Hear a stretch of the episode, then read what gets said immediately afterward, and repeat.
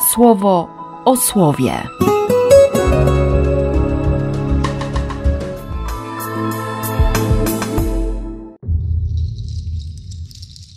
10 stycznia, poniedziałek. Z pierwszej księgi Samuela. W Ramataim Sufy w górach Efraima żył pewien człowiek imieniem Elkana. Był synem Jerochama, syna Elichu, syna Tochu w Nasibie Efraima. Miał dwie żony, jedna nosiła imię Anna, druga Peninna. Peninna miała dzieci, Anna była bezdzietna. Ten człowiek chodził w określone dni ze swojego miasta, z Ramateim, do Shilo, aby pokłonić się i złożyć ofiarę Panu, Bogu zastępów. Kapłanami Pana byli tam wtedy Heli i jego dwaj synowie, Hofni i Pinchas. Gdy pewnego dnia Elkana złożył ofiarę, dał z niej część Peninnie swojej żonie oraz jej synom i córkom. Jedną część dał również Annie, chociaż nie miała dziecka. Elkana bowiem kochał Annę bardziej niż tamtą, mimo że Pan zamknął jej łono. To, że Pan nie dał jej dziecka, było dla niej udręką, a oprócz udręki powodem smutku. Była bardzo przygnębiona, że Pan zamknął jej łono i nie dał jej potomstwa.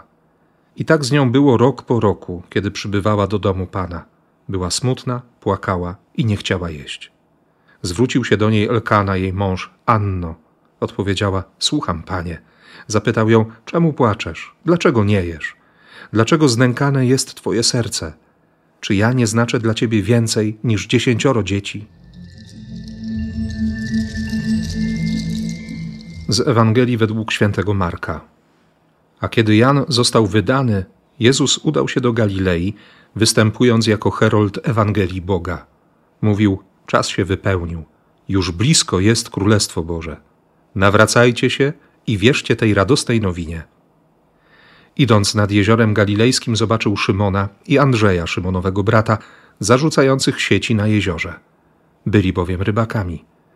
Jezus powiedział do nich: Chodźcie ze mną, a sprawię, że staniecie się rybakami łowiącymi ludzi. Z miejsca zostawili sieci i udali się za nim. Gdy poszedł trochę dalej, zobaczył Jakuba, syna Zebedeusza, i jego brata Jana. Oporządzali sieci w łodzi. Od razu ich wezwał – oni więc zostawili w łodzi swojego ojca Zebedeusza razem z najętymi robotnikami i poszli za nim. Człowiek z konkretną historią w Ramataim może się pochwalić rodowodem, to znaczy nie jest byle kim, nie jest kimś bez imienia i cieszy się, bo ma żony i ma dzieci, przynajmniej jeśli chodzi o Peninnę. Ona rodzi mu dzieci. A Anna, no właśnie, Anna nie widzi sensu, nie potrafi poskładać swojego życia. Z jednej strony, z jednej strony jej imię i jej historia powinny świadczyć o tym, że jest łaską i że doświadcza łaski, z drugiej strony wszystko jakby na przekór. Jakby się Bóg dołożył do tego, że ona jest nieszczęśliwa. Udręka, powód smutku, przygnębienie, płacz, brak łaknienia nawet. I taka typowo męska, choć niekoniecznie typowa w dzisiejszych czasach. Odpowiedź czy postawa męża. Dlaczego płaczesz?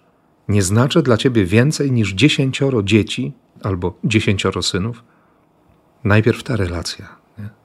Dopiero potem dzieci, dopiero potem rodzice. Ale jak to wytłumaczyć sercu? Wiemy z późniejszej historii, o której będziemy czytać jutro czy pojutrze, że w tej miłości była konieczna interwencja Boga. Człowiek nie da tyle człowiekowi, co, co chce dać i co może dać Bóg. Choć jest oczywiste, że, że mamy kochać tak mocno, jak tylko potrafimy. Nie rezygnować, nie zwalniać się, bo, bo może się okazać, że, że, że ktoś naprawdę, ktoś bardzo potrzebuje tego dźwignięcia miłości. Nie bez powodu święty Jan przez cały tydzień mówił nam o tym, że Bóg jest miłością i że Jego przykazaniem jest to, abyśmy się nawzajem kochali, a święty Paweł napisze też bardzo mocno, abyśmy nosili te swoje ciężary, abyśmy dźwigali braci. Po to jest Kościół. Elkana, Peninna czy Anna nie mieli doświadczenia Kościoła, mieli doświadczenie prawa. I byli przed Panem, na ile to tylko możliwe. Dzisiaj to słowo stawia mi po prostu pytanie – czy jestem we wspólnocie Kościoła tak, jak to tylko możliwe. Na tyle, na ile potrafię. Po prostu, czy, czy kocham Kościół? Nie? Bo przecież czas się wypełnił, czas już nabrzmiał, nie? Jest, jest pełnia. Królestwo niebios jest bliskie. Mam zmieniać myślenie i uwierzyć Ewangelii, uwierzyć, że ratunek jest w Chrystusie. Po to zaprosił Szymona, Andrzeja, Jakuba, Jana. Po to z nimi chodził po tych granicach, czasami nawet je przekraczając. Dlatego powiedział tak mocno, żeby, żeby go naśladowali, żeby chodzili po jego śladach. A życie się wypełni, wypełni się łaską. I uczyli się zostawiać. Raz, drugi, trzeci. Ciągle na nowo uczyli się zostawiać siebie, zostawiać sieci. Żeby uwierzyć, żeby dla innych być świadkami że jest ratunek w Chrystusie. Mocny początek dnia. Więc niech to będzie i dla Ciebie dobry dzień. Niech ci, którzy się z Tobą dzisiaj spotkają, doświadczą tego, przekonają się, że jest nadzieja, że jest łaska, że jest Bóg. Życzę Ci tego z całego serca i błogosławię, jak tylko potrafię, w imię Ojca i Syna i Ducha Świętego. Amen. Słowo o słowie.